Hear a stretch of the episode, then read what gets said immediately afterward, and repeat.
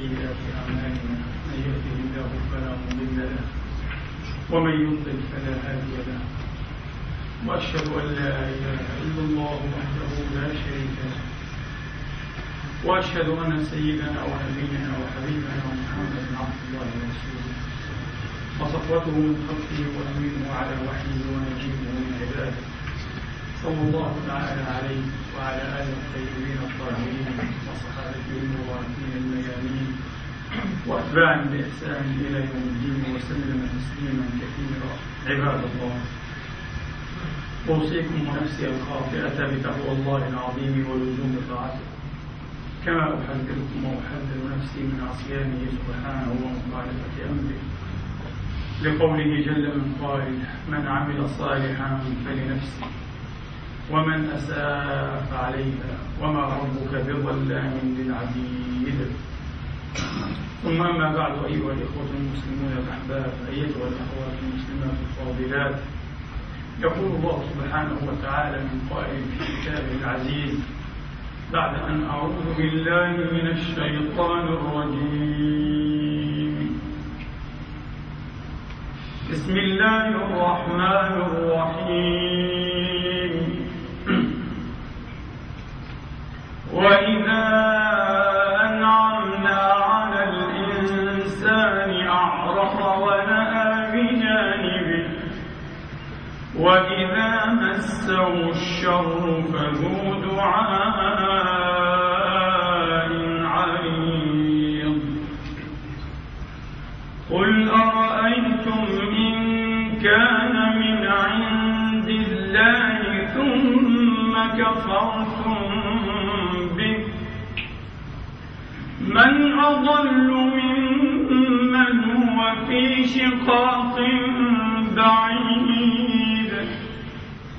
سنريهم آياتنا في الآفاق وفي أنفسهم حتى يتبين لهم أنه الحق. أولم يكف بربك كل شيء شهيد. ألا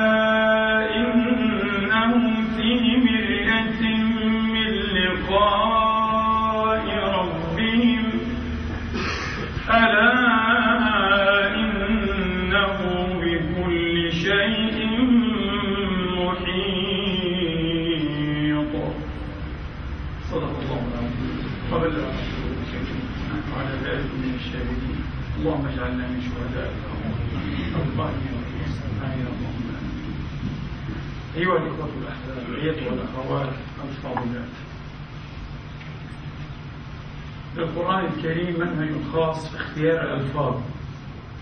منهج دقيق جدا وعميق لا يخطر عليه بشر حتما.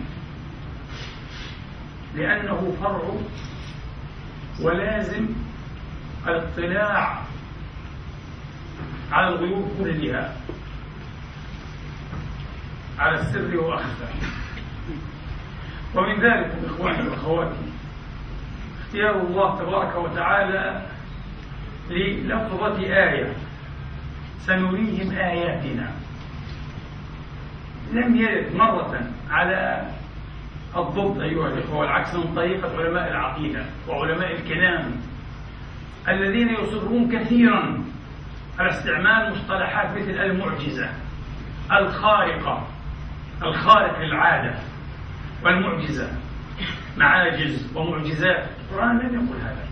القرآن يستخدم آية يقول آية. إذا تكلم عن الآيات التشريعية المقروءة سماها آيات. إذا تحدث عما يعرف لدينا بالمعجزات وخوارق العادات كالذي صنع سبحانه وتعالى لموسى من قلب العصا حية وآية اليد البيضاء من غير سوء وخلق البحر إلى غير ذلك. وكالذي مكن منه عيسى من إحياء الموتى وإبراء الأكمه والأبرص وأخبار الناس بما يأكلون وما يدخرون في بيوتهم إلى آخر معاجز الأنبياء بلغة القرآن آيات الأنبياء.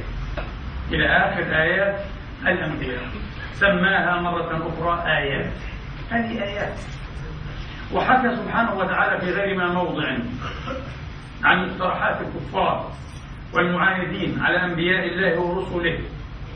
أن يأتوا بآية يطلبون الآيات. لكن هل استخدم الكفار هذا اللفظ فعلا؟ بديع أنه في حق غير محمد الخاتم صلوات ربه وتسليماته عليه أنه لم يستخدموا هذا اللفظ. هذا ترجمة آية كلمة عربية. ترجم الله بها ما طلبوه هم فما الذي طلبوه؟ لكن المسألة تبدو أكثر تحرجا مع كفار العرب. مع القرشيين المكيين. هل طلبوا آية؟ قالوا آية. أنا أظن أنهم طلبوا الآية لكن بعنوان آخر. طلبوا معجزة طلبوا خارقة. طلبوا أشياء محددة. اجعل لنا كذا وكذا ائتنا بكذا وكذا وكذا. الله سمى هذا الطلب آية قال هذه آية. لماذا؟ لماذا يبسط القرآن أيها الإخوة هذا الإصرار ولا يرضى بغيره أيها الإخوة. لا يرضى أن تسمى هذه المعاجز والخوارق معاجز أو خوارق. يسميها آيات. ملحظ عجيب جدا.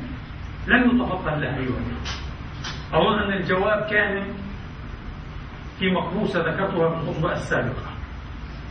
عن شاطبريان أيها الإخوة الأديب والشاعر الرومانسي الفرنسي الشهير المعاصر لنابليون حين قال ليس المعجز معجزا بأكثر مما هو العادي. ومحصل هذا الكلام أيها الإخوة محصل هذا الكلام أن كل شيء معجز. كل شيء هو آية. والقرآن يقول هذا.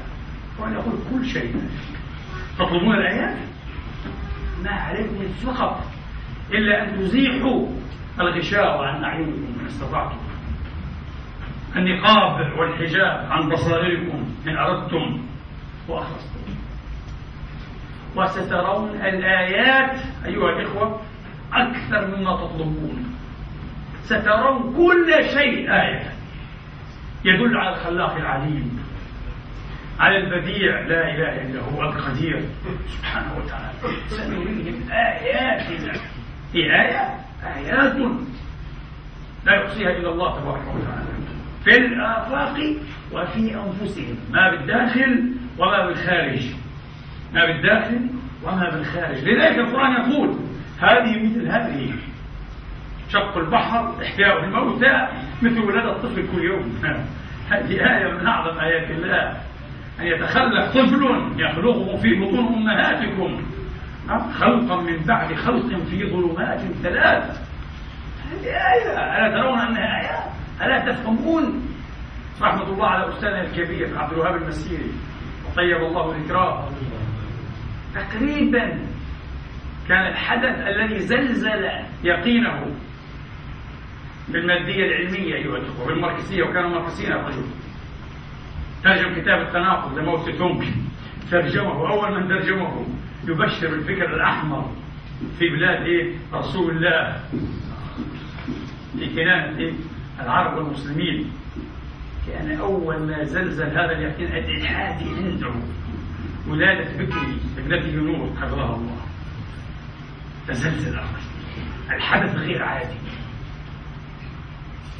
ولذلك يقول العوام الإحساس الإيماني الذي هو أقوى من هذه الفلسفات الضائعة والأفكار الحائرة التائهة الزائدة يقولون سبحان مخرج الحي من الحي.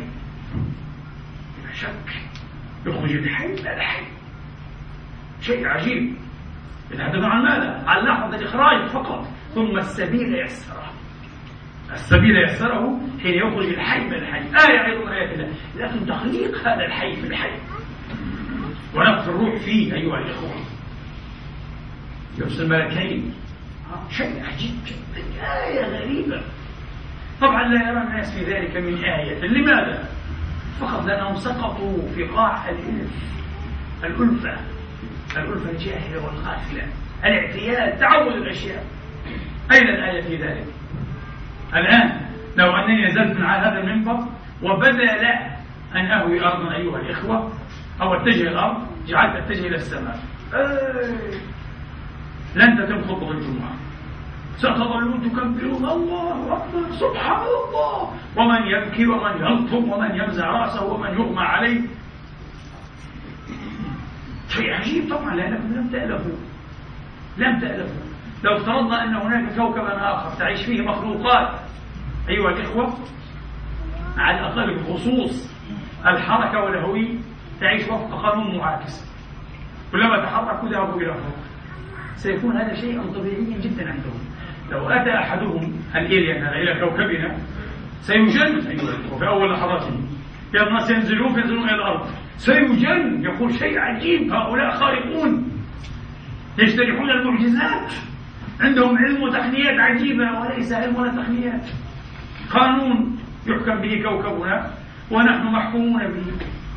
كسائر الأشياء والإخوة ببساطة. طب ها هي الأجسام الخفيفة كالغبار مثلا كالدخان. لا تسقط الأرض تسقط إلى فوق وفق قانون آخر غير فهم أرسطو حتما أرسطو لم يفهم هذا الشيء. أرسطو فسر هذا بالعشق. قال كل شيء يحب أن يعود إلى أصله. الدخان من السماء يعود إلى أمه السماء. الحجر والإنسان من الأرض والحديد يعود إلى الأرض.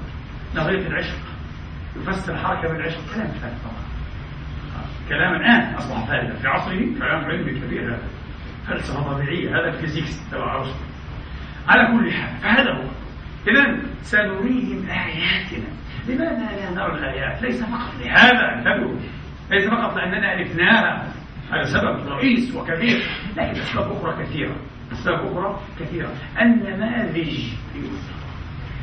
إياكم أن تظنوا أو تصادقوا أيها الإخوة على وهم وظن أننا ندرك الأشياء حتى الإدراك الحسي كما قلنا sensory perceptions الإدراكات الحسية هذه. أننا ندركها بطريقة موضوعية محايدة. غير صحيح علميا غير صحيح هذا علميا انتهى. هذه الأسطورة انتهت من قديم. نحن لا ندرك ولا نلتقط الأشياء التقاطا محايدا. يعني شيء موجود جاهز للرؤية فنراه بحجمه بلون كذا. شيء موجود آه، جاهز لأن يشم فنشمه موجود جاهز لأن يلبس. فنلمسه إلى آخره. غير صحيح. لما أراد صمويل جونسون أول كاتب معجم في الإنجليزية معروف الدكتور جونسون. ومفكر كبير لم يكن فيلسوفا لكن مفكر وأديب ورجل جليل جدا. وضع عدة قواميس وأول وضع القاموس. لما أراد أن يرد على الفيلسوف المثالي الأسقف بيركلي جورج بيركلي الذي يقول أن يوجد معناه أن يدرك. ما في أشياء. أنت أحيانا تدرك الشيء هو موجود. لا تدركه غير موجود. مثالية طبعا. مثالية مفرطة أيها فجاء جنس قال غير صحيح. هذا حجر قال يكفي أن أضعه بقدمي ثم أرفصه هكذا فأضحض كل كلام ذلك هاي موجود ها. شعرت بألمني هذا غير صحيح. هذا لا ينطي على فيلسوف مثالي يقول لا. من الذي قال لك إيه إن اعتقادك أو توهمك بأنك رفضته وإن ألمك الذي وجدته في جسمك أه؟ كل هذه الأشياء ليست من إدراكك. الإدراك الذي خلقها لا لا تنتهي المشاكل الفلسفية بهذه البساطة. الموديلات موديلز نحن أيها الإخوة نتعاطى مع الواقع. حتى الواقع المحسوس ما نراه ما نشمه أيها الإخوة ما نلمسه ما نأكله. نتعاطى مع هذه الأشياء وفق موديل نموذج إدراكي خارطة إدراكية. سأوضح لكم هذا هذا الشيء صادم طبعا. لم تتعودوا عليه. لا الذي درس الفلسفة والعلم آه حتى الفيزياء وكذا كذا وعلم الأعصاب. يفهم هذا لأن هذا حتى مذكور في علم الأعصاب. فين يروي الشيء هذا؟ مذكور هذا أيها الإخوة هذه حقائق طبية وعلمية. يحكى يقال إن كولومبوس مكتشف العالم الجديد حين جاء بأسطوله من أسبانيا أيها الإخوة ورسى في الكاريبي. الهنود الحمر يسمونهم الهنود. هم طبعا سكان ال native الأصليين هم ال natives لكن لأنه أراد الهند وأراد الهند فعلا تاريخيا. وأخطأ أخطأ مجرد خطأ صدفة سعيدة أو غير سعيدة طبعا. الهنود الحمر آه فأخطأ فوجد عالما آخر برضه سماهم الهنود. ليش هنود؟ قال لك الهنود بس حمر لون مختلف شوي. الهنود الحمر هذا أصل التسمية ليش اسمهم هنود ما لهمش علاقة بالهند. لكن هذا هذا هذا الاستعمار. هذا هو هذه الغطرسة أيها الإخوة كما قلت في محاضرة قريبة لي هذه الغطرسة أن تروي حكايتي بالنيابة عني لا تروي حكايتي تغني أروي حكايتي أن تتصل باسمي وأن تسميني كما تريد. لا تسميني. أنا أسمي نفسي وأنا أروي حكايتي. وأرويها من حيث أريد لا من حيث تريد أرويها من أول أنت ترويها من ثانية. حكاية معروفة طبعا. إيه؟ على كل حال هذه الغطرسة هذه غطرسة المستعمرين والمستكبرين عبر التاريخ. المهم يقال إن الهنود الحمر أيها الإخوة وقد خرج الشامان. هذا مثل زعيم روحي طبعا. فمسح الشمال والشمالية ظهر شماليزم خرج الشمال بقواه الروحية وكانوا مارس الطب أيضا والعراق وكذا. أشياء لها علاقة بالأوكيد. خرج الشمال ولاحظ ظاهرة غريبة جدا. لاحظ أن مياه المحيط أيها الإخوة تتحرك حركة غير عادية.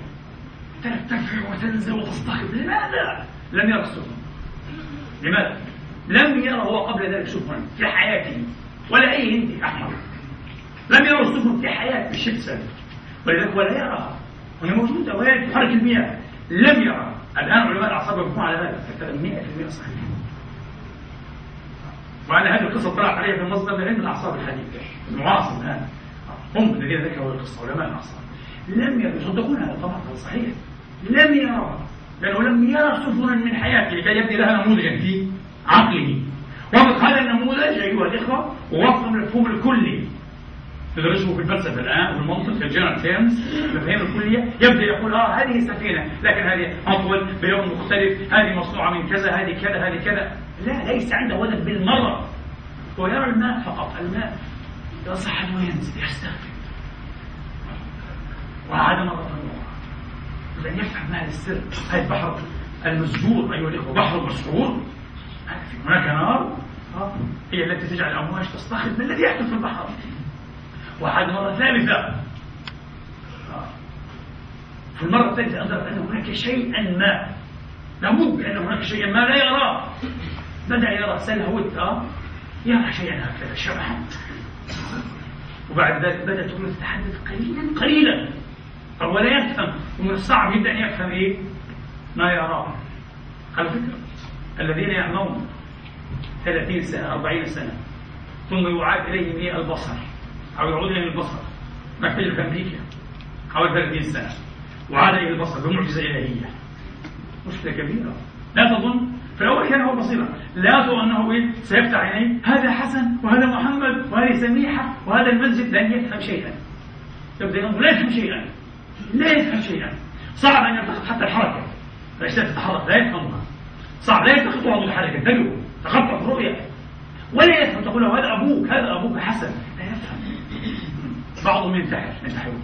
لأنهم لا يتواصلون مع العالم. وهم عميان أحسن. نماذج نماذج ذابت انتبهوا لا نراها إذا لابد من نموذج. بعد أن رأى الشمس أو السفن أيها الإخوة هرع. وهو رائد أهله والرائد لا يكذب أهله. هرع هذا الرائد الشمال. إلى أهله يقول لهم هلم هلم هناك شيء عجيب. سحر يتحرك في المحيط فجاءوا كلهم ولأنهم يصدقونه الشمال هذا. الأعلى سلطة روحية هناك يعني يتبركون بها ويتسكتون بكل الأمور والنوازل. رأوا ما يرى. قال لهم هذه أشياء بصفة كذا كذا فرأوها كما قال لهم. شيء جدا لم نكن نعرفه لم نكن نعرف هذا الشيء. لذلك الآن في علم الأعصاب العلماء يقولون على الأقل إلى الآن هذه معلومات القرن الحادي والعشرين المخ نفسه البرين يعني بما هو مخ هكذا الدماغ لا يستطيع أن يميز بين ما يراه حقيقة وبين ما يتذكره بلغة الفلسفة الصورة الحسية والصورة الخيالية. لا يستطيع أن يميز. المخ انتبه مش أنت. أنت شيء أكبر من المخ. أنت أكبر من المخ. لذلك كان بوبر وإكليس ألف كتابا عجيبا الذات ودماغها مفهوم الذات أكبر من الدماغ مفهوم الوعي النفسي أكبر من الدماغ شغل معقد. كبيرة إلهية طيب. لذلك مثلا أتوا بشخص معين وصلوا دماغه بجهاز استخطاطي. حاسوب. وطبعا إيه؟ إلكترودات كهربية وكذا. فيصور. ماذا ترى؟ أرى الكاميرا. صحيح. طبعا هناك صورة للدماغ. تنشط فيه مراكز معينة حين يرى خاصة مراكز الرؤية في خلفية الدماغ. تنشط أشياء معينة. صحيح. بعد ذلك أغلق عينيك. أخذ الكاميرا تخيل ما كنت ترى. بدأ يتخيل تنشط نفس الأماكن وبنفس الكيفية. نفس الكيفية. كأنه ينظر الكاميرا أمامه. مع أنه لا ينظر إليه ويتأثر يتخيلها. قالوا لنا الدماغ نفسه غير قادر. حسب وصلنا إلى الآن على التمييز بين ما يرى وبين ما يتذكر أنه رآه. إذا هناك النماذج تضللنا يمكن أن ترينا أشياء هي غير موجودة. نعم. ويمكن أن تجعلنا نعمة نعمة بلغة القرآن الكريم. أه؟ كم مرة في القرآن هذا اللفظ العمى. النعمة عما هو موجود فلا نراه لا نلتقطه. أو نعيد إنتاج ما نراه أيها الإخوة. وفق ما قيل لنا إنه هكذا. ماذا حصل معي شيء عجيب أذهلني لو هذا ممكن يحصل مع كل واحد في الآلاف المرات لكن لا يتنبه إليه. لأنه لا أحد يلفت وينبهه انتبه. ليس كذا لكن إنه نبه والتفت سيتعجب سوف يحتار. ذهبت ابنة الوسطى تنام. وبعد قليل دخلت فوجدتها بشعرها بهيئتها مستوفية كما هي. والشعر ذات لفتني يميزها طريقة شعرها خالد وضعت عليها لحافا وخرجت فإذا بها أمامي. صدمة عجيبة شعرت بالخوف بالفزع مسألة مش عادية. قلت لأمي هذا أليست نامت قالت لم تنم. كيف لم تنم؟ هي في الداخل نائمة قالت أختها الكبرى قلت مستحيل. هي هي بشعرها. شعرها يختلف عن أختها. قد أدخل. دخلت رأيت أختها. الكبرى أنا حين دخلت أعلم أن الوسطى هي النائمة. لذلك أنا رأيت الوسطى. انتبهوا هاي الدماغ موديل أنا رأيت ما في دماغي. أسقطته على الواقع. اختفت صورة وجاءت صورة. صورة الواقع غير مرئية الآن. ستكون هذا الشيء محير ومخيف وله علاقة بالعقائد والأفكار. نعم بكل شيء. هذا ليس فقط في الأشياء الحسية حتى في نظرك في الأمور والأشياء والأفكار والعقائد والمذاهب والأيديولوجيات والأشخاص والأحداث. تحدث نفس الشيء. شكلها خطير جدا. العلماء يقولون لابد أن ندق الناقوس وأن نحذر أنفسنا وأن نأخذ الأمر بجد لأن البصر أكثر حاسة متوسعة. أكثر حاسة تتوسع وتجول هي البصر. أكثر من السمع أه؟ ما نراه أكثر بكثير مما نسمعه بكثير. البصر يمد أو يمد الدماغ أيها الأخوة بمليارات المعلومات يوميا. مليارات. تدخلون طيب. وبعدين وسائل الإحساس الأخرى. وبعدين كل مواضع الجسم. بكم تمد الدماغ في اليوم؟ ها؟ بكم تمد؟ ليس في اليوم. ليس في اليوم. في الثانية. في الثانية الواحدة. 400 ألف مليون معلومة. شيء لا يصدق. هذا لم يعرف الأطباء قبل حتى خمس سنوات. لم يدرس ولا شيء. شيء. 400 مليار. بالأمريكي بليون يعني بليون. 400 مليار معلومة في الثانية. شيء رهيب. يأتي للدماغ الدماغ. يعالج منها بروسيسنج يعني معالجة فقط لألفين معلومة هتقول معناها إدراكنا كسيح وضعيف وغلبان والله غلبان جدا. يعالج فقط ما يحتاجه. انتبهوا. أنت الآن هكذا. العينان ترين أشياء أكثر مما تتخيل. لكن الدماغ لا يعالج مما ترى العينان إلا ما يريد معالجته. ويريد معالجة أشياء معينة مهيئة أن يعالج أشياء معينة. يعالجها. يتنافل عن أشياء ويتجاهلها لكن تبقى مخزنة نبضات وأشياء معركة رهيبة داخل الدماغ. في كل شيء لا يكاد يصدق هقول ليش؟ نعيد السؤال الذي طرحناه قبل أسابيع. ليه؟ لماذا خلق الله الدماغ بكل هذه القدرات؟ يقول أحد الأطباء ارفع رجلك هكذا أنا رفع سهولة. أنت تقوم بسهولة. أنت الآن لا تدري كم مئة ألف رسالة هذا زمان الآن أكيد مليارات طبعا ها؟ ذهبت إلى إيه؟ الدماغ. عشان تمكنه هذه كي تمكنك من أن تقوم بهذه الحركة. مش شيء أبدا. أعقد مما تتخيل وتؤثر على كل الرسائل من الدماغ إلى كل الجسم. أن ترفع رجلك هكذا. أو ترفع يدك. حتى تتكلم. شيء لا يصدق يا أخوان حتى تعرفوا نعمة الله علينا. المدد السيال المتصل من الله المتواصل إلينا الذي يوكلنا أن نكون كما نحن. نمشي ونأكل ونشرب وننام بعد كيف نفكر بعدين وندرك يعني شراب أكبر أمداد أوسع كثير وأعمق. ونحن نعمله بكل بساطة. ولا نفكر فيها. شيء عادي. ليس عادي ما في شيء عادي. يبدو أنه ما من شيء عادي. إذا نحن أيها الإخوة نعمى عن آيات الله. تعرفون لماذا؟ هذا السبب الأكثر عمقا فلسفيا وإيمانيا. نعمى عن آيات الله سنريهم آياتنا في الآفاق وفي أنفسهم.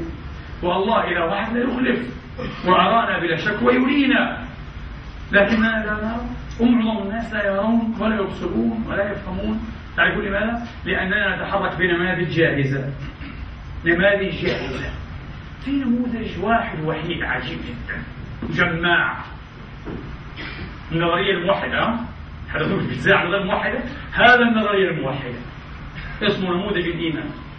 أن تفترض أن هناك إلها عليما حكيما قديرا كلي الصفات كلي العلم كلي المشيئة والإرادة كلي القدرة كلي التصرف لا إله إلا هو كلي الرحمة كلي كلام كلي في كل صفاته. موجود وهو المسؤول الأول هو السبب الأول عن كل ما يحدث. بعض علماء الفيزياء هذا ليس حديث مشايخ أو أساقفة أو رابيين. بعض علماء الفيزياء الكبار جدا يقولون نحن نقترح أن هذا هو ما يمكن أن يعد نظرية موحدة عظمى. هو هذا فقط نموذج الإيمان بالله.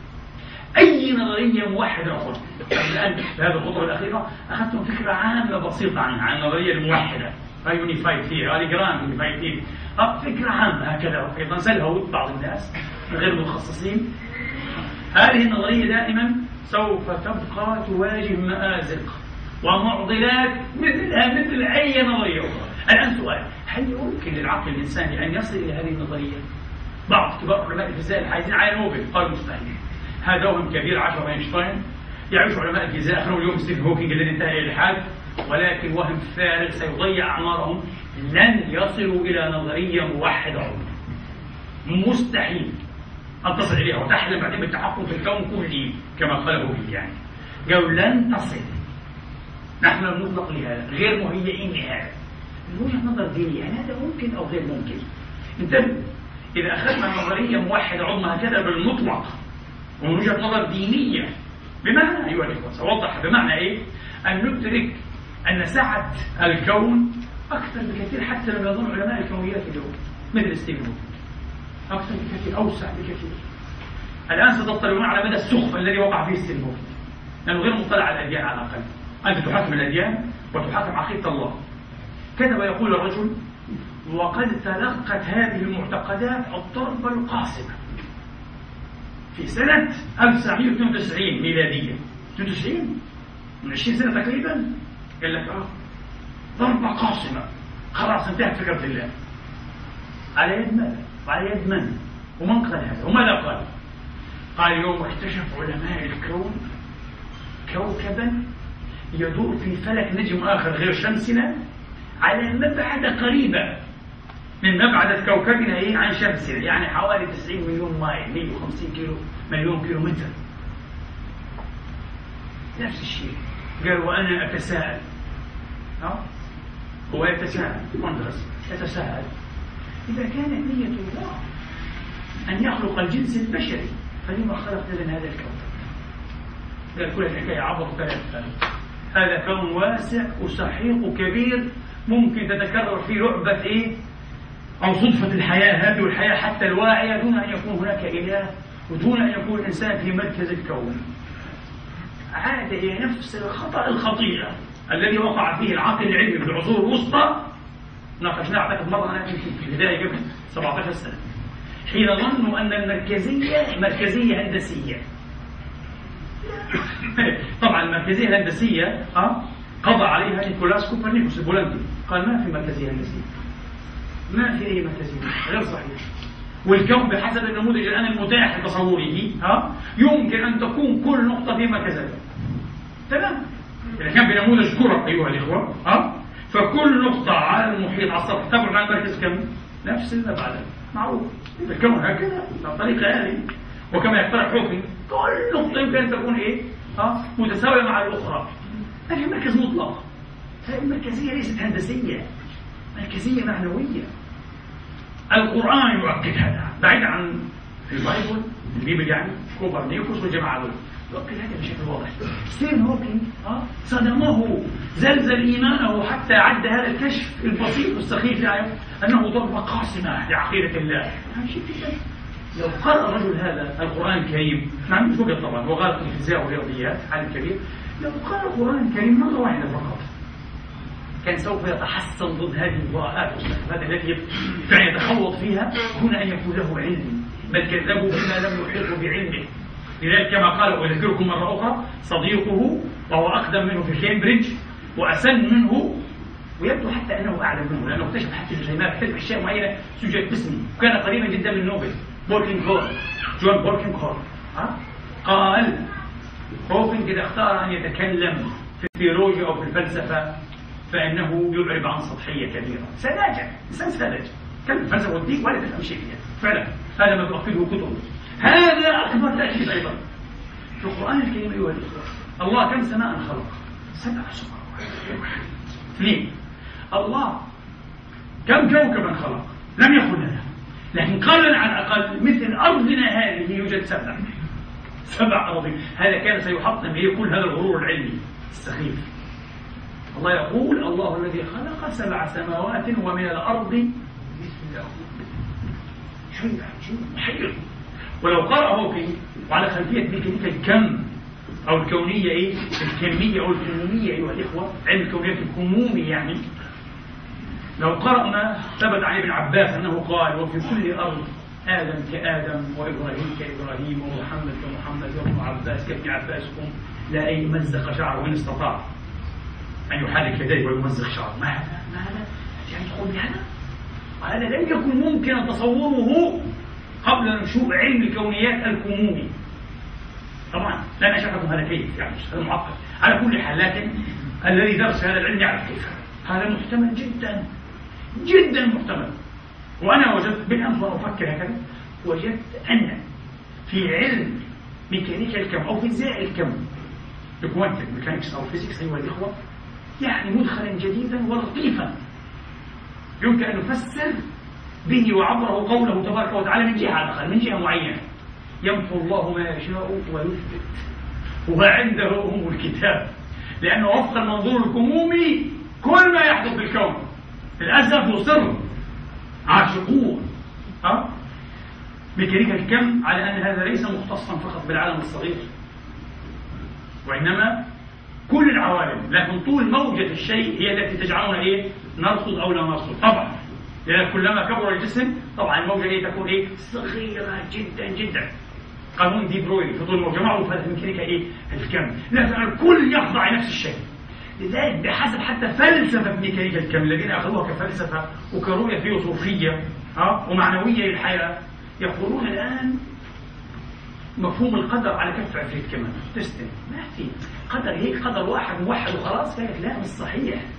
يمكن أن يكون أمامك أنت ألف مئة ألف احتمال مليون احتمال لكل شيء.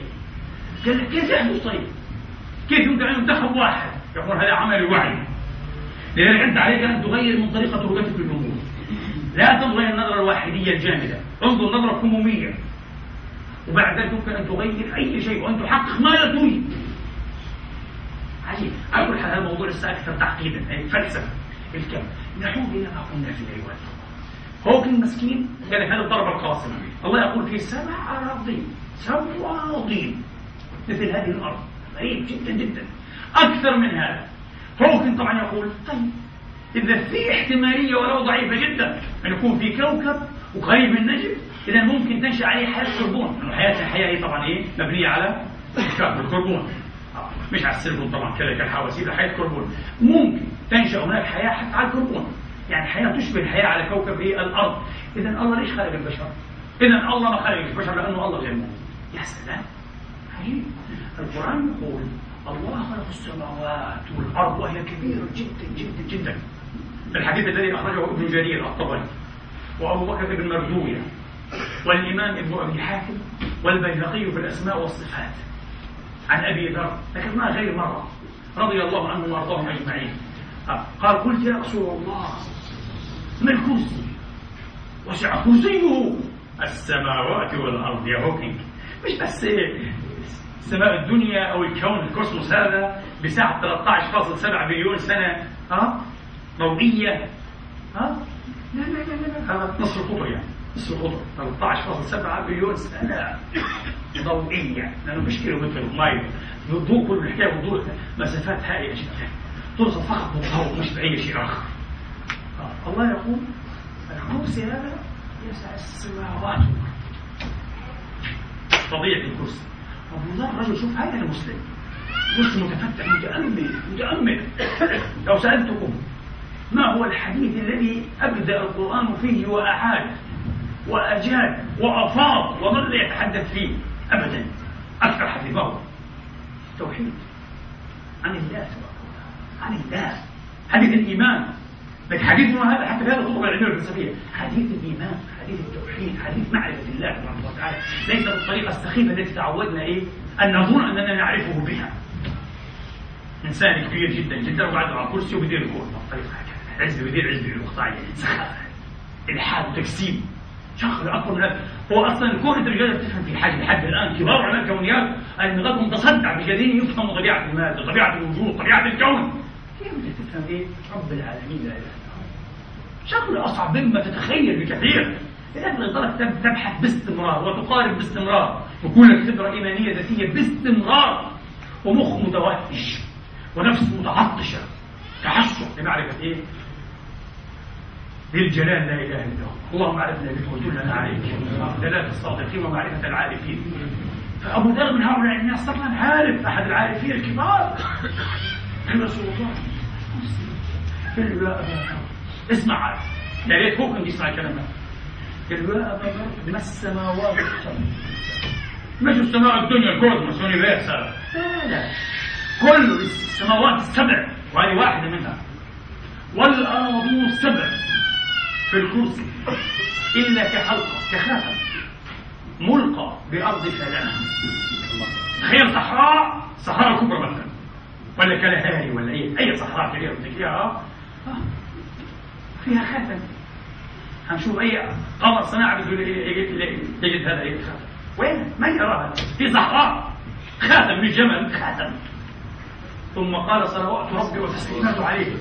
شوف الموديل. يتحدثون عن الموديل ها الموديل الموديل. هذا الموديل النبي إيه ينطلق منه لمعرفة الله. ابتداء لسه هذه أول خطوة لمعرفه الله. غير هو من غير جماعة هوكن هوكن طلع سخيف جدا جدا موديله فهمتوا هذا الكلام عن الموديل. رأينا السبل لم نرى السبل هذا لم يرى شيء معنا. مش قادر يلتقط أي شيء مسكين لأنه قال لك كوكب عيننا ما في شيء. الله خلاص انتهينا. إيش؟ النبي قال له يا ابا يا أبا ذر وإن فضل العرش على الكرسي. لسه قالوا هذا الكرسي. العرش أكبر من الكرسي. كما هي الصحراء هذه الفلاة أكبر من الخاتم قال له وإن فضل العرش على الكرسي كفضل الإيه؟ كفضل الصحراء على الخاتم يا الله. لذلك النبي مرة قال أذن لي حدثكم هذا الحديث. أذن لي عارفوا حتنجنوا قال بس يعني إيه هذا؟ ما بيجننش في شغله بيجنن أكثر. هذا المسموح يتحدث بذا كم هذا خطة السماء والسبعين أذن لي أن أحدثكم عن ملك. ملك؟ ملك. من بلايين بلايين الملائكة. هذا أحد منها جل ما بين شحمة أذنه إلى عاتقه خمسمائة سنة. كائن حيا اسمه ملك واحد. خمسمائة سنة. الله أعلم عادي من السنوات اللي كل يوم فيها بألف سنة من عندنا ولا؟ لا نعرف كان خمسمائة سنة وخلاص. ملك لك؟ أكوان في أكوان وسعة لذلك الكرسي لها مكان عظمى في قلب المؤمن الموحد ولها سر كبير في طرد الشياطين. شياطين الفلسفة والإلحاد والإجزاء الملحدة والوساوس والاستهبال الفكري والسخافات والرقعات الإلحادية هذه الآية لما يقراها المؤمن. واسع كرسيه السماوات للأسف الوقت بيدوخ دائما بسرعة طيب أعود لأسأل الآن أيها هوكينج يقول بحسب النظرية الخليط أنا بسميها من عندي هذا شو قال أنا بسميها الخليط. هو سماها النت. شبكة. بحسب الشبكة هذه التلفيقة سميتها التلفيقة. تلفيقة فشل نحن لا نشتد به بس فشل الرجل فشل يا أخي. كما غيره فشل. يعني وهذا مش عيب عليه لأنه ما فيش واحد لحد الآن وصل للنظرية الموحدة العظمى ولا واحد. اينشتاين 35 سنة ما عملش حاجة مسكين وهذا 40 سنة هو ما عملش حاجة. ما وصلوش. خلص فشلت ما تقوليش وصلت بطريقة أو بأخرى. عملت تلفيقه من ست نظريات وهذه نظرية موحدة. هذا كلام غيره كان أدرى وغيره كان أي اشطر كما يقال. ليه ما ادعوش الصحيح ليست هذه النظرية موحدة. ولا تقول شيء. لم نستفد أي جديد حتى في كتابي. على الإطلاق. لكن نعود إلى كلامي. هل ممكن من وجهة نظر دينية أيها الإخوة الحديث عن نظرية موحدة عظمى؟ أقول لا. ليش؟ يبدو أن الكون إذن والعقيدة إيمانية لدينا متواشج تماما متواشج ويتم تدبيره باستواء الله على عرشه لا إله إلا ثم استوى على العرش يدبر الأمر. ما من شفيع إلا من بعد إذنه العرش وفهمنا ما هو العرش. أعظم المخلوقات. يبدو أنه ما أحاط بكل الخلق على الإطلاق. السماوات السبع نور السبع الأشياء. التي بلغنا الحديث عنها. ممكن في كائس عوالم أخرى غير. ولا تسمى سماوات ولا الله أعلم. وكل هذه يحتويها الكرسي. والكرسي نفسه شيء تائه في العرش. الله مستوى على عرشه يدبر الأمر. لا إله إلا أنا أقول لك هذا المستوي على عرشه يدبر الأمر كله. فقط من عنده بين قوسين طبعا لا يجوز الكلام هذا. ها الصيغة الواحدة البسيطة. ما سميهاش نظرية أنا كثير هي مش تيوري. لا لا لا. الصيغة البسيطة الواحدة التي لا تعزى إلى شيء آخر إلا إلى علمه لا إله إلا هو. ها والتي تفسر كل شيء. ولا يمكن الإنسان أن يطلع عليها ولسنا مؤهلين أن نطلع عليها أصلا وأبعد من كل تفكير. ومستحيل أن يتم ذلك. لذلك سوف نبقى متواضعين نعم بلا شك يسير ركب العلم ونحن نبارك سيره ولا بد أن يسير في فائدة البشرية والعقل والكذا بلا شك. ولكن انه يبلغ النظرية الموحدة العظمى للكون مش حتى لعالمنا هذا أو كوننا هذا للكون للوجود. يستحيل. بحسب هذا المنظور الإلهي العجيب. الله وحده يقدر على ذلك. ولذلك حتى ريتشارد فاينمان التي توسع الذي توسع هوكينج في الاستدلال بنظريته في جمع التواريخ ها some of histories فإنما قال حتى نظرية الأوتار هذه اللي هي يعني أحدث شيء في النظرية الموحدة وعامل كبير في نظري قال بولش قال هراء زبالة تخيل عالم كبير. اليوم يراد لنا أن إيه؟ أن نلحد بالله قال نترك الإيمان ونبكي كأبناء إبراهيم يهود المسلمين والنصارى لأنه هوكينج اللي بيشتغل على السوبر سترينج آه؟ مع سوبر جرافيتي ثيريز آه؟ قال ما فيش الله قال. السلام ريتشارد هايمان قال هذا هو زباله لا نظرية قال كلام فارغ وحيفشل ولحد الان فشل تنو تحديد بصراحة. بحب ان اتساءل لماذا يعني لم نهتز حين ألحد منهم أذكى من هوكينج في العلم وفي الفكر. هناك فلاسفة كبار أذكياء جدا ألحدوا. نيتشه مثلا. فيلسوف خارق. كان ملحدا مثلا. لماذا لم تهتز البشرية؟ لم يهتز الإيمان عند ابن كان يفهم آه. كان ماركس كان ملحدا وكان ذكيا جدا جدا. عقل جبار. آه. داروين انتهى إلى إيه؟ أن يكون لا ادريا agnostic طبعا يعني في آخر أصل الانواع يؤكد إيمانه. كان النظام الذي وضعه الخلاق. لكن بعد أصل الانواع انتهى إلى اللا ادريه agnostic هي اصاله إيه؟ الشك يعني. طيب لماذا لم إيه؟ ستيفن واينبيرغ لا يزال يعيش اليوم من أكبر فيزيائيين الكم في العالم. كتبه تدرس في الجامعات مراجع حول العالم وأخذ جائزة نوبل. في أوائل الثمانينيات. نعم في الفيزياء النظريه تقاسمها مع العالم المسلم الموحد الخشوع الورع أحمد عبد السلام رحمة الله عليه. وستيفن واينبيرغ ملحد كبير أصيل.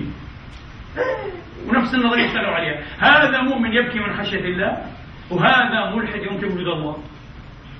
واثنين أخذوا نوبل. لماذا لم نهتز أن ستيفن واينبيرغ ملحد وأخذ نوبل؟ هوكينج لم يأخذ نوبل ولا حتى قريب على فكرة. لأنه فشل في النظريه الموحده هذا شغله فشل. فشل أن يجمع مثل كم مع نسبية أينشتاين. لحد الآن فشل وانت عمره 70 سنة انتهى كل شيء. واينبيرغ أخذ نوبل؟ فاز الرجل صح؟ إيه؟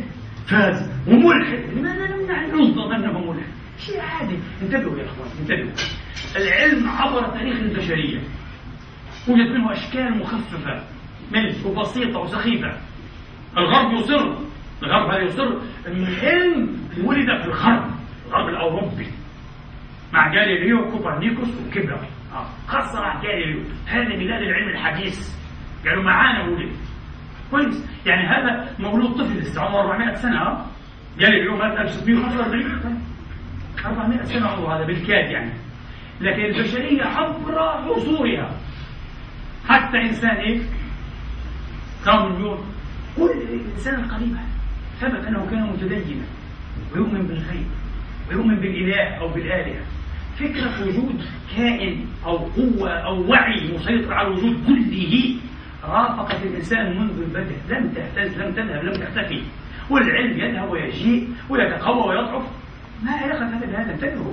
ليس هكذا المسألة تؤخذ كل هذا الاستخفاف وعلى ذكر العلم وبلاد العلم سأذكر شيئا لطيفا جدا جدا. تذكرته الآن وأنا ما هو؟ كيف فسر بعض الفلاسفة المفكرين ومؤرخين العلم نشوء العلم بالذات هنا في أوروبا كما يزعمون. لماذا لم في الصين؟ لماذا فعلا لم تشهد الصين؟ والصين على فكرة قدمت للبشرية جردة لائحة مطولة جدا. أيها الإخوة من التقنيات المتطورة والجيدة مش بس المغناطيس والبرود والبرود والصواريخ والطباعة والورق والأرقام. أشياء كثيرة بلا شك متقدمة جدا. لكن فعلا لم يتكامل فيها النشاط العلمي جدا كان نشاط لكي يصبح علما science بس لم يصبح. وهذا حصل في أوروبا وبسرعة نسبية بسرعة. يعني اليوم الذي مات فيه السنة التي مات فيها جاليليو ولد نيوتن نيوتن بعد 30 سنة كان شيء جبار جدا جدا. أنشأ رجل علوما صرحا ممجدا للعلم. فيش بعد جاليليو 30 40 سنة. خلاص انتهى. هذه بصمة العلم الحديث. اليوم نحن محكومون تقريبا إلى حد بعيد بميراث نيوتن سيصحى نيوتن لماذا أفلحوا؟ سأذكر لكم جوابا تواطأ عليه ثلاثة ماكس فيبر مؤسس السوسيولوجيا الألمانية جوزيف نيدهام أكبر متخصص في الغرب في الصينيات تاريخ الصين علم الصين أدب الصين عنده كتاب في تاريخ العلم في الصين والفكر في 12 مجلد. أنا اطلعت على ملخصه في مجلد واحد. شيء عجيب. أكبر متخصص في العالم جوزيف نيدهام. أكبر متخصص في الصينيات. والشخص الثالث الفيزيائي الشهير جون بارو. اللي عمل دراسة موسعة فقط. عن موضوع أسبقيات ومفروضات العلم. باب من أبواب فلسفة العلم؟ دراسة ضخمة. الثلاثة تواضعوا على تقرير هذه الفكرة. ما هي؟ لم يكن للعلم الصيني أن يولد إلا ميتا. قال لك ولد ميتا. ما كان عنده كيد الحياة؟ يصير علم زي العلم تبعنا. إيه؟ الساينس الاستنشاق لماذا؟ الثلاثة قالوا الثلاثة. ولخص لكم ما قالوا. بجملة واحدة عجيبة. قالوا لأن الصينيين لم يؤمنوا هذا في داخل عقائدهم ودنياتهم وانتحلاتهم الدينية لم يؤمنوا بوجود إله كقوة عاقلة مسيرة لهذا الوجود. هي المسؤولة عن ال cosmic code عن الشفرة الكونية. إنه خلق الكون هذا وشفره طبعا. كيف شفره يعني؟ يعني خلقه وفق رؤية وفق خطة blueprint يعني مخطط معين آه. وفق رؤية معينة عند الإله هذا. مش كون هيك عبثي ما في عبث يا أخي. خلق كل شيء فقدره؟ تقديرا إن كل شيء خلقناه بقدر. صحيح. ها. هم لم يؤمنوا بهذا الإله. لم يعرفون في إله اللي حدث عنه إيه؟ موسى وعيسى ومحمد. لجاء إيه التوحيديه ها. لم يعرفوا هذا الإله. ولذلك لم يخطر على بالهم أن الكون يمكن أن تفك شفرته لأنه في إله خير وعاقل وواعي. إن جاز التعبير ما شفر هذا الكون. وزي ما قال أينشتاين هذا الإله وإن كان invisible يعني خفيا إلا أنه ليس خبيثا ليس مكارا. بمعنى أنه خلق الكون بطريقة تجعله قابلا للفهم. يمكن أن نفهمه وأن ندرسه. أينشتاين قال. على فكرة أينشتاين تقريبا سبق بعض هؤلاء. حين قال لولا الإيمان بالله لما أمكن أن يقوم إيه؟ العلم. ليش أينشتاين؟ أيوه نفس الكلام. نفس كلام جوزيف نيدهام وماكس فيبر وجون بارو ليه؟ لأنه بلا إيمان أن هناك قوة عاقلة. أيها الإخوة منحت العقلانية منحت العقل والوعي والمعقولية لكل هذا الوجود. معنى الكون كله حيكون هي عالم غير عقلاني صح؟ معنى ما بقوم علم. ليش أبحث أنا؟ أبحث عن ماذا؟ عن أسرار وعن قوانين وعن laws. يقول لك laws؟ هوكينج. ال laws. عبد ال laws من دون الله. أي laws يا هوكينج؟ أي laws؟ لكن أنا سأختم على فكرة بالفكرة التي أردت. ان افضي بكم إليها وهي جوهر خطبة اليوم. أهم شيء في خطبة اليوم هي الفكرة هذه. واحد. سؤال. وجواب. هي الفكرة. هل القوانين موجودة من داخل الكون؟ بمعنى وجدت بوجود الكون. هوكينج يصادق على قال هيك. وجدت بوجود الكون. أم أن القوانين موجودة قبل الكون؟ والكون وجد وخلق وال Big Bang هذا حصل بناء على ماذا؟ على فعل ونشاط هذه القوانين. قوانين خارجية أو داخلية. انتبهوا نحن نجزم ونعتقد أيها الإخوة. ومعنا أكثر علماء الفيزياء. ما رأيكم؟ علماء الفيزياء الكبار. والفلاسفة العقلانيون وكل المؤمنون. كل المؤمنين عفوا. كل المؤمنين بالله عز وجل. أن القوانين خارجية. ليست من داخل الكون. سأقتبس أحد. هؤلاء الفيزيائيين العظام بول ديفيز اقتبسته للمرات الأسابيع الأخيرة في كتابه عقل الله عقل الله. ماذا يقول؟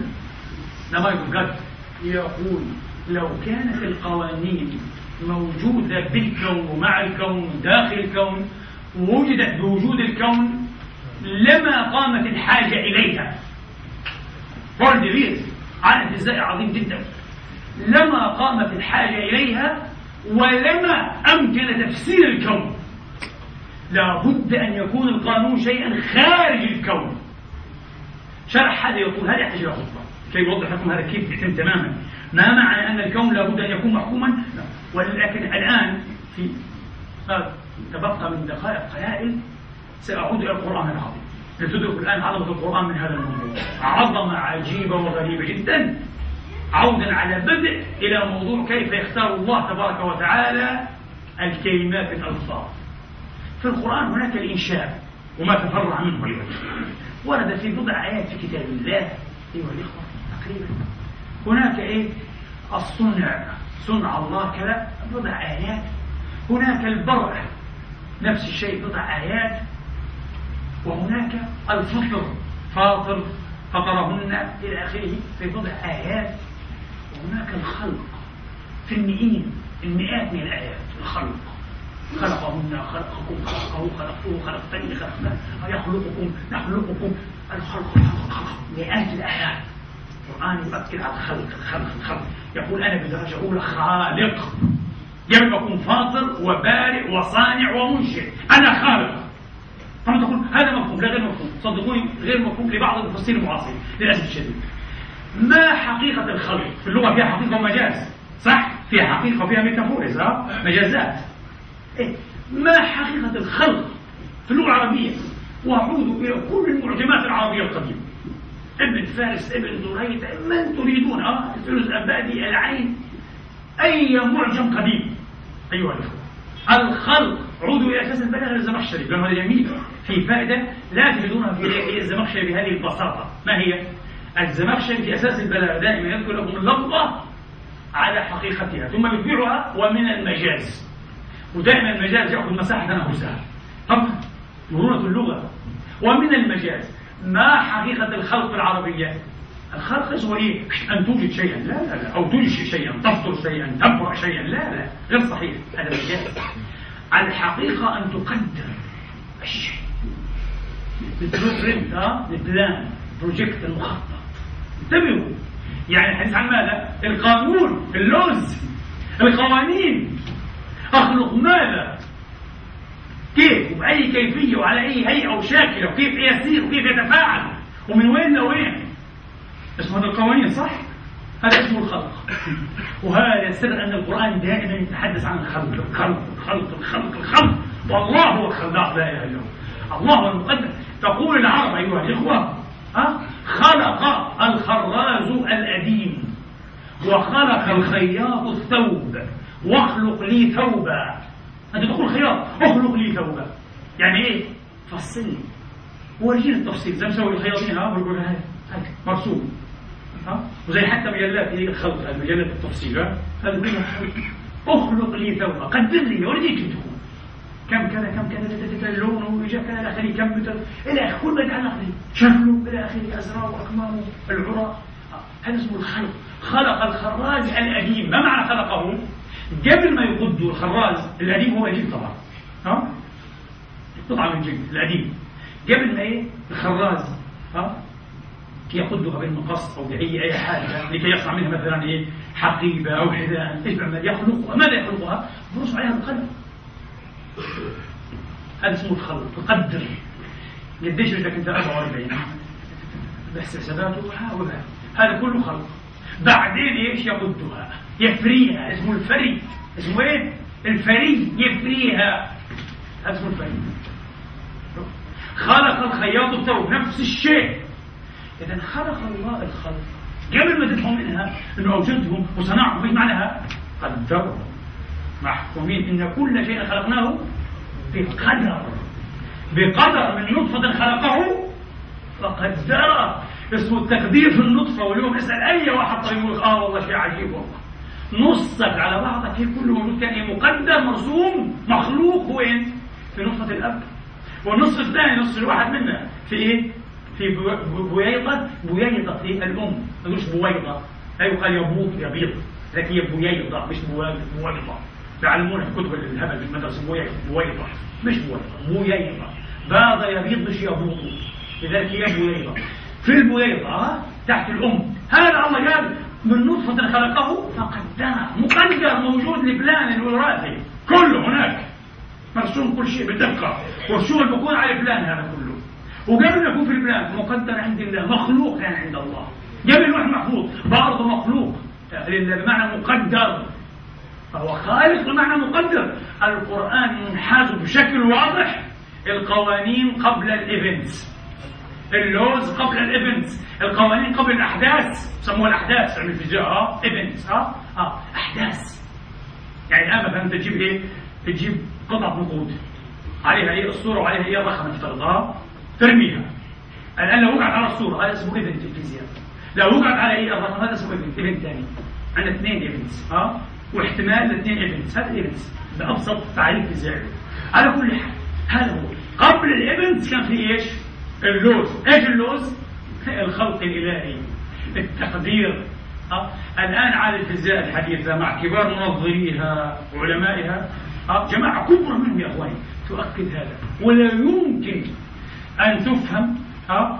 الأحداث ولا أن يفهم الكون على نظرية هوكينج أنه لا القانون من داخل وموجود إيه في داخل الكون ونشأ معه كلام هرطقة علمية ملوش أي قيمة ولا يستطيع أن يفسر ويعاني كما قال إيه العلماء يعاني من صعوبات جمة في التنظير الفيزيائي في الفلسفة والدين. صعوبات جمة لا يستطيع أن يخرج منها. لا يستطيع أن يتجاوزها كما ظن إيه هوكينج وأمثاله.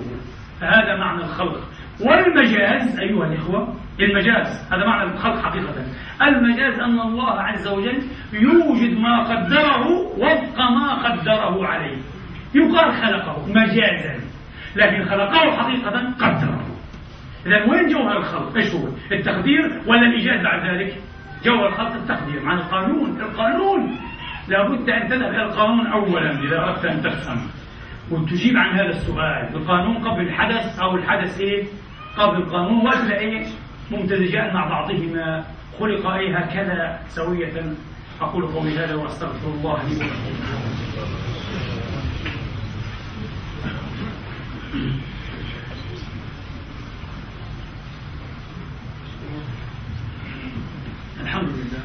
لله الذي يقبل التوبة عن عباده ويعفو عن السيئات ويعلم ما تفعلون ويستجيب الذين آمنوا وعملوا الصالحات ويزيدهم من فضله والكافرين لهم عذاب شديد.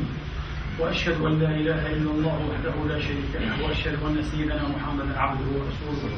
صلى الله تعالى عليه وعلى آله الطيبين وصحابته الميامين وأتباعهم بإحسان إلى يوم الدين. أما بعد أيها الإخوة قبل أن نغادر هذا المنبر أحب أن أذكركم بالانتخابات الانتخابات بعد غد الأحد إن شاء الله. من السابع صباحا إلى الايه السابع عشرة أو الخامسة مساء. أيها الإخوة الذهاب إلى الانتخابات في ظل هذه الظروف التي نعيش وفي ظل هذه الحملة الشعواء على الأجانب عموما والمسلمين خصوصا ومساجدهم وأئمتهم ومنائرهم وشعائرهم وشرائعهم.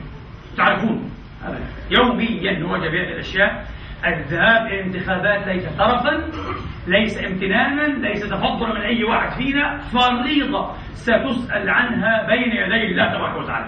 وتعوكم بالحس الفارغ الذي يقول بعضهم الحزب الاشتراكي ماذا فعل لنا في غزة يا أخي الله يخليك بعض الناس عندهم عقلية غريبة جدا جدا والله العظيم. عقلية أنا أنت كيف تفكرون يا أخي؟ ويدعون أنهم يفهمون السياسة. يا أخي أنا لا أتكلم عن حزب إسلامي ولا عن حزب ما شاء الله. أنا أتكلم عن حزب مصالحي معه أكبر فقط. إذا حزب آخر. هذا الحزب الاشتراكي لو كان حزبا إيه؟ لا أدريا لو كان حزبا ملحدا. لا يعنيني أنا دينه ولا حتى مواقف سياسية خارج النمسا ما يعنيني بدرجة أولى مواقفه داخل هذا البلد. لأنني هنا مصيري هنا. المسلمون في أمريكا أكثر تكيفا منا أكثر مرونة منا. يجعلون نظرهم الراجح لوضعهم في البلد. مش في العالم كله. لا نستطيع يا أخي. غيرنا لم يستطع وهم يعيشون في تلكم البلاد. إحنا هنا الأولوية أن نحافظ على وجودنا على مكتسباتنا. وهي بحمد الله مكتسبات يعني نسبيا كثيرة وطيبة ومباركة. أخونا أبو ياسين عمر راوي وهو ليس موجودا. وبالمناسبة اسألوه أنا لم أقصده بفضل الله ولم أحتجه في خدمة طوال عشر سنوات لم يفعل لي شيئا. لكن هذا الرجل أنا متعاطف معه لشيء واحد أيها الإخوة. لا تطلب الكمال لا نتحدث عن النبي أيها الإخوة. نتحدث عن رجل مسلم أيها الإخوة وفقه الله تبارك وتعالى توفيقا كبيرا جدا بفضل الله عز وجل حقيقة. وأجرى على يديه خيرا كثيرا للجالية والمسلمين الذين أرادوا الآن أن يكفروا نعمته.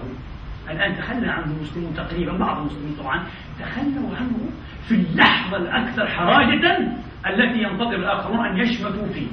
والله العظيم. وهم يهددون بطرده ويهددون بأنه ينبغي أن يطلب الحزب وأن يطلب العمل السياسي وأن يكنس ولا بد ولا بد وتعرفون من ها؟ تعرفون من يفعل هذا يوميا.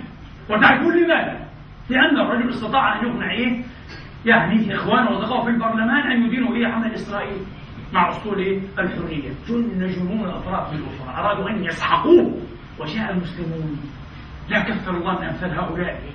المسلمين جاءوا وقالوا آه نعم نحن نريد أيضا أن نكون في هذا الوقت بالذات. ليس هذا الوقت بالذات. إنا لله وإنا إليه راجعون.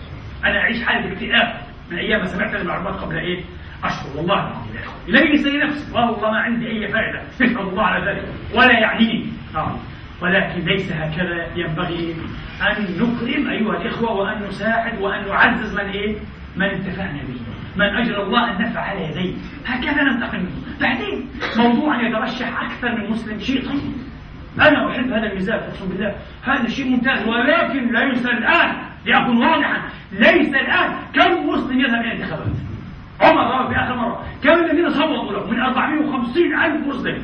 3700 ومع ذلك يعني إيه؟ الآخرون ذهلوا هذا كبير معناها ويعني أصبح يا رجل له وزن. الجاي يعني لها وزن. مش هو كشخص وها أيوه والان ما شاء الله أصررنا أصررنا على أن نوزع هذه الأصوات على اثنين ما شاء الله على ما شاء الله على الإخلاص. إنا لله وإنا إليه راجعون. والله أنا أقول إنا لله والله العظيم وإنا إليه راجعون. حسبنا الله الوكيل. من سنين وأنا موقن أقسم بالله وأنا على منبر رسول الله. من سنين وأنا موقن.